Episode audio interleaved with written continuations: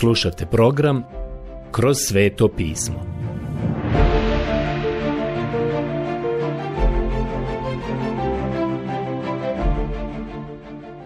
Knjiga Postanak. Odlomak Postanak, poglavlje 35. Nakon našeg prošlog proučavanja, u kojem smo obrađivali 34. poglavlje knjige Postanka, Siguran sam da su mnogi od vas došli do zaključka da sam napravio grešku kada sam rekao da se Jakovljev život promijenio u Penuelu. Kada je on došao do potoka Jabok, mi zapravo ne vidimo previše promjena zbog onoga što se izdogađalo u 34. poglavlju. To je sasvim tačno, ali ipak se dogodila promjena.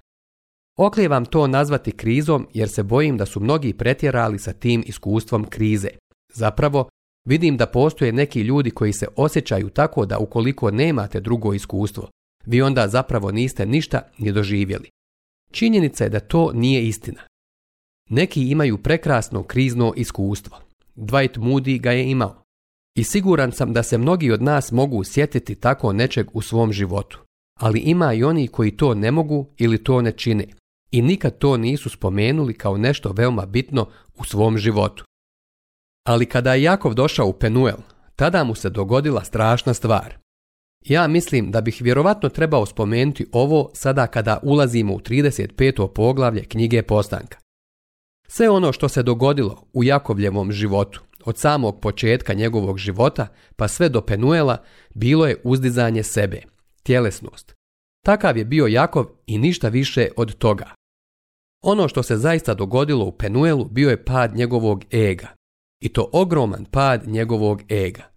Bio je cijeli svoj život naduvan poput balona, sve dok nije stigao u Penuel.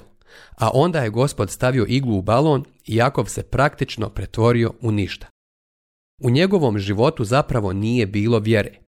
Mislim da je to ono o čemu svjedoči 34. poglavlje. Mislim da su mnogi ljudi rekli, odnosno bilo je oni koji su tako protumačili taj dio Biblije, i rekli da je za Jakova bila tragična stvar zaustaviti se u šalemu.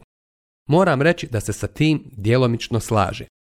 Ali moram postaviti jedno pitanje, a pitanje je sljedeće. Da li je Jakov bio spreman za Betel? Da li je bio spreman za iskustva koja će mu Bog dati? Ne, mislim da je ono što možete vidjeti u 34. poglavlju sve one tragične stvari koje su se dogodile, sve je to rezultat toga što je Jakov zapravo hodao po tijelu. Tu je i taj pad, kada je izduvao njegov ego, ali ne i vjera. On nije ni imao vjere da ode u Betel ili Bet-El, možete ga nazvati kako god želite. Ali sada se zaustavlja u Šekemu i tamo se dešavaju te tragične stvari u njegovom životu. To nam otkriva činjenicu da Jakov zapravo nije bio vođa ni u vlastitoj porodici. Nije zauzimao pravo mjesto koje je trebao imati ni po čemu nije bio duhovni gorostas. A imati tih 12 sinova bio je stvarno pravi posao, kao da je imao jedno malo stado o kome se trebalo brinuti. I želim reći da je za tako nešto bio potreban pravi duhovni gorostas da ih kontroliše. Ali Jakov nije bio spreman za to. Nakon tog tragičnog događaja Jakov je počeo prepoznavati Božju ruku u svome životu i sada on donosi odluku koju je vjerovatno trebao donijeti mnogo ranije. To nam otkriva da se unutar ove porodice događalo nešto što je zaista bilo tragično. Tragedija jeste u tome da čim je Ezav okrenuo leđa i krenuo kući, Jakov je odveo svoju porodicu u Šekem. To je bio tragičan potez. Jakov u tom trenutku još uvijek ovisi o vlastitoj pameti. Dina je silovana, a Šimun i Levi, njena rođena braća, otišli su u grad Šekem do princa koji je bio odgovoran za to i iako se on želio ženiti njihovom sestrom, oni su ga ubili. Jakovljevi sinovi su izvršili takav pokolj koji u poređenju sa međusobnim obračunima bandi u Čikagu izgledaju prilično pitomo. Kada su se vratili kući, Jakov im je rekao sljedeće. Učinili ste da moje ime bude omrznuto među ljudima ove zemlje. Činjenica je da on nije bio spreman za Betel. Moje pitanje jeste sljedeće. Gdje bi drugo mogao otići? I nakon svega, Jakov je sada imao stada i goveda, a bilo je dobrih pašnjaka tamo gdje se zaustavio u Šekemu. Jakov je sada trebao da nauči jednu veliku lekciju i on polako počinje uviđati da loša djela imaju svoje posljedice koje nas stižu u životu i da šta god čovjek posije, to će i požnjeti. Sada prelazim na 35. poglavlje knjige Postanka i nadam se da imate otvorenu svoju Bibliju na tom mjestu. 35. poglavlje Jakov se vraća u Betel Sada čitam prvi stih 35. poglavlja knjige Postanka. Bog zapovijedi Jakovu. Ustani, uzađi u Betel, nastani se tamo i načini ondje žrtvenik Bogu koji ti se prikaza kad si bježao pred svojim bratom Ezavom. Bog sada poziva Jakova nazad u Betel. Ja sam napisao jednu malu knjigu. Njen naslov je Povratak u Betel. Pokušavam pokriti veliki dio Jakovljevog života, a posebno se bavim ovim iskustvom koje je doživio u Penuelu i zatim promjenom koja se dogodila kada je otišao tamo. Činjenica je da je on sada, nakon ovog tužnog iskustva, spreman krenuti dalje. Vidite, prije nije imao vjere da se pokrene i oceli. Molim vas da sada obratite pažnju na drugi stih. Jakov sada počinje preuzimati vodstvo. I Jakov zapovijedi obitelji i svima koji su bili s njim. Uklonite tuđe bogove što ih imate kod sebe. Očistite se i obucite druge haljine. Postoji nekoliko stvari koje im je ovdje rečeno da rade. Oni prije svega trebaju ukloniti te čudne tuđe bogove. Mi smo skoro šokirani time. Sjetite se da je onda kada Jakov pobjegao sa Rahelom i Leom, Rahela ponijela sa sobom porodične bogove, to jest male kumire, koje je sakrila ispod svog sjedala na devi. Ona je samo sjela na to, a ispod nje su bili ti mali idoli kumiri. Ja bih pretpostavio da se tako nešto ne bi trebalo desiti, budući da je to bio Jakovljev dom, a on je znao za živog i pravoga Boga. Bog ga je pozvao. Očekivali bismo da bi Jakov rekao Raheli da to ne čini onda kada bi saznao jer nije znao ništa o tome u trenutku kada ih je uzela. Bio je veoma iskren kada je rekao Labanu da ti bogovi, ti mali kumiri, uopšte nisu nikod koga od njih. To je vjerovatno bio jedini put dotada da je Jakov rekao istinu. Stvarno nije znao za to, a te stvarčice su bile tamo. Kada ih je nekada naknadno otkrio, mislim da bismo vjerovatno svi mi pretpostavili da ih se Jakov riješio, ali on ih se nije riješio i vidimo da cijela njegova porodica ima i poštuje te bogove. Jakov će sada po prvi put preuzeti inicijativu i vodstvo i on kaže sljedeće. Sada se riješimo ovih lažnih bogova, tih čudnih bogova. To su lažni bogovi. To je prva stvar. Morate ukloniti ono što nije u redu. Danas ima previše ljudi koji šest dana u sedmici služe nekim drugim bogovima, a nedeljom služe gospodu. Prijatelji, Postoji puno takvih vjernika. Oni imaju svoje čudne bogove, a onda se pitaju zašto nedjeljom njihova služba u crkvi nije jedno uzbudljivo i silno iskustvo. Prijatelji, morat ćete prvo ukloniti svoje čudne bogove. Ne znam koji su vaši bogovi, ali kakvi god da su, morate ih ukloniti. To bi mogla biti pohlepa. Kažem vam da danas ima mnogo dobrih poslovnih ljudi koji trče za svakim dolarom koji mogu da zarade. I kažem vam da se više predano bave zarađivanjem dolara nego li služenjem gospodu nedeljom. A onda se pitaju šta to nije u redu sa njihovim duhovnim životom. Prijatelji, ako se namjeravate vratiti u Betel, tamo gdje ste prvi put susreli Boga, onda morate odstraniti iz svog života sve te stvari koje su pogrešne. Jakov ovdje kaže sljedeće, očistite se. To danas za vjernika znači priznanje grijeha. Morate se pozabaviti grijehom u svome životu. Ne možete doći u nedjelju na bogosluženje, a zanemariti sedmicu koja je upravo prošla. Uostalom, fizički se okupate i koristite dezedorans. A danas u našim crkvama imamo duhovni miris tijela, jer nema ispovjedanja grijeha i očišćenja. To je čišćenje. Ako priznajemo svoje grijehe, on je vjeran i pravedan, da nam oprosti grijehe i očisti nas od svake nepravde. Ovo piše u prvoj Ivanovoj poslanici u prvom poglavlju u devetom stihu. Mora postojati priznanje grijeha i on će onda oprostiti, ali se prvo grijesi moraju ispovijediti. Da li još nešto primjećujete što nam to ovdje Jakov kaže? On kaže da promijene svoju odjeću. Riješite se stare odjeće. U svetom pismu odjeća govori o navikama. Tako je zapravo i danas. Čujemo na primjer da neko ima naviku da jaše konje, da igrači američkog futbala imaju naviku da koriste dres i zaštitnu opremu, a odjeća Božijeg djeteta trebalo bi na neki način odražavati i pokazivati ko je ono, kome pripada. Nosite li gospodnje navike na sebi?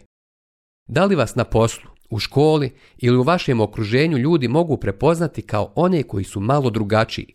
Da li je vaš život malo drugačiji? vi nosite navike. Onog dana kada se ovaj čovjek Jakov vratio u Betel, počeo je živjeti za Boga. Ali ne mislim da je dotada bilo tako. Jakov kaže, vratimo se u Betel. To je ono što i mi moramo učiniti. Poslušajte sada šta Jakov kaže u trećem stihu. Onda ćemo se dignuti i poći gore u Betel. Tamo ću načiniti žrtvenik Bogu. Abraham je napravio žrtvenik. Izak je to uradio a sada je to učinio i Jakov. Hvala Bogu na tome. Sada će i on imati svjedočanstvo za Boga. Koji me uslišao u vrijeme moje nevolje i bio sa mnom na putu kojim sam išao. To je ono čega se Jakov sjetio. Kada je kao mladić bježao od kuće, čežnjiv za domom i usamljen, došao je u Betel i tada mu je Bog bio vjeran. Bog kaže, bit ću ti vjeran. A sada nakon što su godine prošle, shvatio je da mu je Bog bio vjeran. Sada Bog kaže Jakovu, moraš se vratiti u Betel, moraš se vratiti odakle si krenuo, moraš početi tamo. Ja mislim da veliki broj ljudi danas treba shvatiti da su godine koje provodimo živeći jedan bezvrijedan i otrcani kršćanski život samo gubljenje vremena, apsolutno gubljenje vremena. Vjerujem da ćete se sjetiti da smo ranije uvidjeli da je Bog pozvao djecu Izraelovu da izađu iz Egipta i uđu u obećanu zemlju. Primijetili ste da im se Bog ukazao i rekao im da idu u obećanu zemlju. Nisu otišli i nisu ušli. 40 godina su lutali u naokolo. Bog se kasnije ukazao Jošu i rekao mu sljedeće. Sada uđite u zemlju. Nastavio je tamo gdje je stalo i zapelo. Nastavio je tamo gdje im je ranije govorio. Potrošili su uzalud 40 godina. Koliko samo danas ljudi koji su kršćani uzaludno troši svoje živote. Dragi moji, ovdje se nalaze velike, zapravo ogromne duhovne lekcije za nas. Ja mislim da je jedan od razloga zašto su te duhovne lekcije zapisane ovdje za nas jeste taj što su neki od nas, ne znam za vas, ali neki od nas su baš poput Jakova. To je razlog zašto su te duhovne lekcije toliko primjenjive i na nas danas. Hvala Bogu, on kaže da je Bog Jakovljev. Volim to. Ako će on biti Bog Jakovljev, bit će i Bog Vernona McGee. I to je divno. To je divno. Ovo poglavlje je jedno veliko ohrabrenje za sve nas danas. Molim vas, zapazite sada šta se dalje dogodilo. Jakov je preuzeo inicijativu u svome domu i preduzeo određene stvari. To je veoma zanimljivo. Pročitat ćemo sada četvrti stih. Tada predadoše Jakovu sve tuđe bogove što su ih imali kod sebe i naušnice što su ih nosili na svojim ušima. Dopustite mi da zastanem na trenutak i kažem da su naušnice u to vrijeme bile povezane sa bogosluženjem. U Svetom pismu je mnogo rečeno o tome. Prijatelji, ja ne mogu prestati govoriti o takvim stvarima. I želim reći da postoji toliko prekrasnih i dragocjenih istina koje su u Božoj riječi da čak ni u petogodišnjem programu proučavanja ne možete ih sve otkriti i iskopati. Nakon što završimo sa iskopavanjem u ovom rudniku, ovdje će i dalje ostati mnogo zlata i dragog kamenja. Uvjeravam vas u to. I naušnice što su ih nosili na svojim ušima, koje su ih identifikovale kao idolopoklonike i oni će ih se sada riješiti i Jakov ih zakopa pod hrastom što stoji kod šekema. Riješio se tih stvari, tih naušnica. Nisu pohranjene negdje, pokopane su.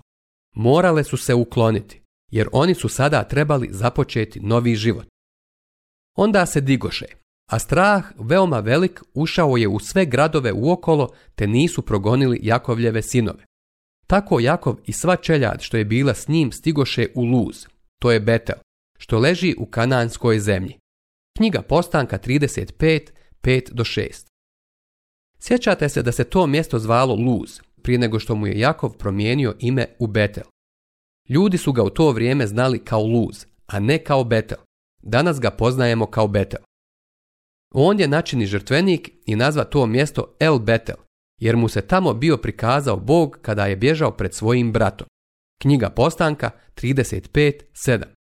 Sjećate se da je Jakov tom mjestu ranije dao ime Betel. Ovdje je jedna veoma zanimljiva stvar. Tada umre Debora, dojkinja Rebekina i pokopaše je ispod Betela pod hrastom koji se otad zove Tužni hrast. Knjiga Postanka 35.8 Pretpostavljamo da je ovo bilo važno da se pomene zato što je Debora bila sa Jakovom u to vrijeme, a da je Rebeka već bila umrla. To nije samo pretpostavka, već je veoma izvjesno da je umrla. Jadni Jakov nikada više nije vidio svoju majku nakon svog odlaska iz roditeljskog doma. To da je on otišao nije tako tragično koliko to što ga ona više nikada nije vidjela. Ona ga je poslala nakratko da ode i da se skloni, a onda je ispalo sasvim drugačije.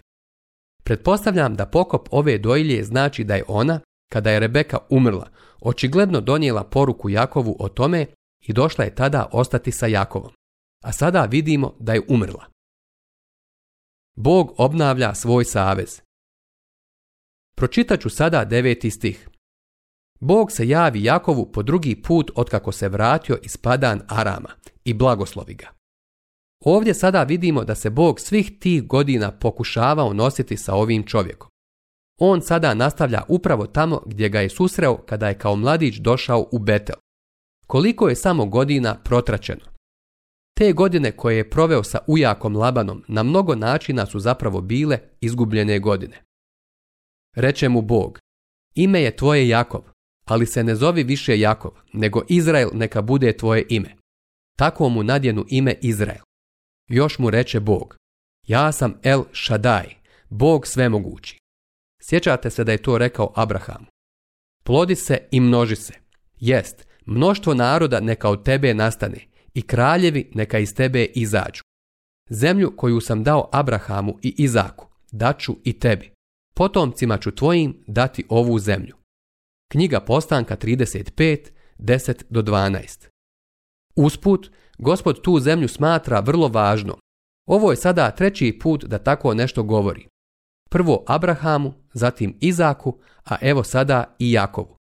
I svakome od tih ljudi gospod je morao govoriti o tome dva ili tri puta. Zapravo, Abrahamu je morao govoriti mnogo puta. Poslušajmo sada 14. stih. Jakov postavi spomenik na mjestu gdje je s njim govorio, spomenik od kamena. Izli na nj tekuću žrtvu i poulji ga. Ovdje se prvi put spominje tekuća žrtva, ljevanica. Kada dođemo do Levitskog zakonika, tamo se spominje pet žrtvenih prinosa, ali ne i ljevanica. Zapravo, uopšte se ne daju uputstva o tome, ali se spominje žrtva ljevanica. Očigledno je to jedan od najstarijih prinosa i žrtava, a za današnjeg vjernika ona ima veoma lijepo značenje. Žrtva ljevanica je bila izlevena na druge prinesene žrtve. Išla je zajedno sa drugim žrtvama. I zato je apostol Pavle rekao Filipljanima da želi da njegov život bude kao žrtva ljevanica. Pročitat ćemo sada 15. stih. Jakov prozva mjesto gdje je Bog govorio s njim Betel. Rahelina smrt i Benjaminovo rođenje. Pročitajmo sada 16. stih. I otiđoše od Betela dalje, a kad više nije bilo daleko do Efrate, napadoše Rahelu porođajni bolovi i imala je težak porođaj. Do tada je Rahela imala samo jednog sina, ali sada je dobila i drugog. I kad se je pri porođaju tako veoma mučila, reče joj babica, utješi se, i sada imaš sina. A kad je izlazila njezina duša, jer je umirala, nazva ga ona Ben Oni, ali mu otac njegov nadjenu ime Benjamin. Knjiga Postanka 35 od 17 do 18. Kako je to divno? Ne mislim na Rahelinu smrt, nego na način kako se sve to dogodilo. Ona ga je nazvala sin moje tuge, a Jakov ga je pogledao i rekao, izgubio sam svoju dragu Rahelu i ovaj mališan sada izgleda poput nje, pa ću ga zvati Benjamin, što znači sin moje desne ruke. Jakov je bio pristrasan prema Rahelinim sinovima. Tako umre Rahela i pokopaše je na putu u Efratu, to je Betlehem. Knjiga Postanka 35.19. I danas je tamo pokopana. Njena grobnica je tamo, imam nekoliko slika koje sam snimio na tom mjestu. Jakov postavi spomenik od kamena na njezin grob. To je nadgrobni Rahelin spomenik sve do dana današnjega. Knjiga Postanka 35.20 Tako je bilo u vrijeme kada je Mojsije ovo napisao, ali njen grob je tamo i danas. Tada ode Izrael dalje i razape svoj šator s onu u stranu Migdal Edera. Knjiga Postanka 35.21 ono što ovdje imamo je popis Jakovljevih sinova od različitih žena. Zapravo, Josip i Benjamin su bila dva dječaka koja su bila izvanredna. Želim vam reći, dragi prijatelji, da ostali sinovi jednostavno nisu baš ispali dobro. Ovo nam ponovo ukazuje na činjenicu da Bog ne blagosilja to da se ima više žena. Ali dobro, Bog je to dopustio jer je to bilo već učinjeno. Nešto što je učinio Ujak Laban, ali naravno i Jakov se složio sa tim. Jakovljeva porodica je primjer koji nam pokazuje šta je ispravno, a šta nije. Ovdje sada imamo u 29. stihu zapisano sljedeće. Potom preminu Izak, umre i bi, star i sit života, pridružen svojim ocima. Pokopaše ga njegovi sinovi Ezav i Jakov. Mislim da je ovo bio jedini put da su se ova dva čovjeka srela. Upravo ovdje na sahrani svog oca Izaka. Danas ćemo morati da završimo, a i već smo stigli do kraja ovog 35. pogla. Sljedeći put ćemo se posljednji put osvrnuti na Ezava.